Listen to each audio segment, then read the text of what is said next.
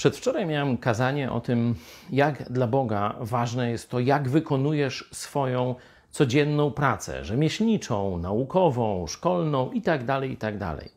Że Bóg patrzy nie tylko na wzniosłe jakieś Twoje deklaracje, wizje, yy, pobożne jakieś czyny, ewangelizacje, wszystko to jest ważne. Ale Bóg też patrzy, jak wykonujesz swój zawód przysłowiowego hydraulika, kowala czy profesora. Dlatego mam taki challenge dla ciebie, jeśli jesteś chrześcijaninem. I jeśli jesteś chrześcijaninem, jeśli jesteś człowiekiem żyjącym w społeczeństwie, to zapewne albo jesteś pracodawcą, albo pracownikiem. I teraz pytanie. Zastanów się.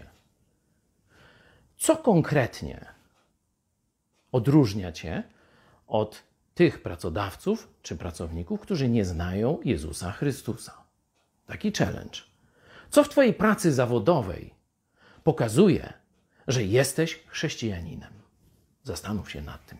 Bardzo ważna sprawa, jeśli chodzi o życie i świadectwo chrześcijanina.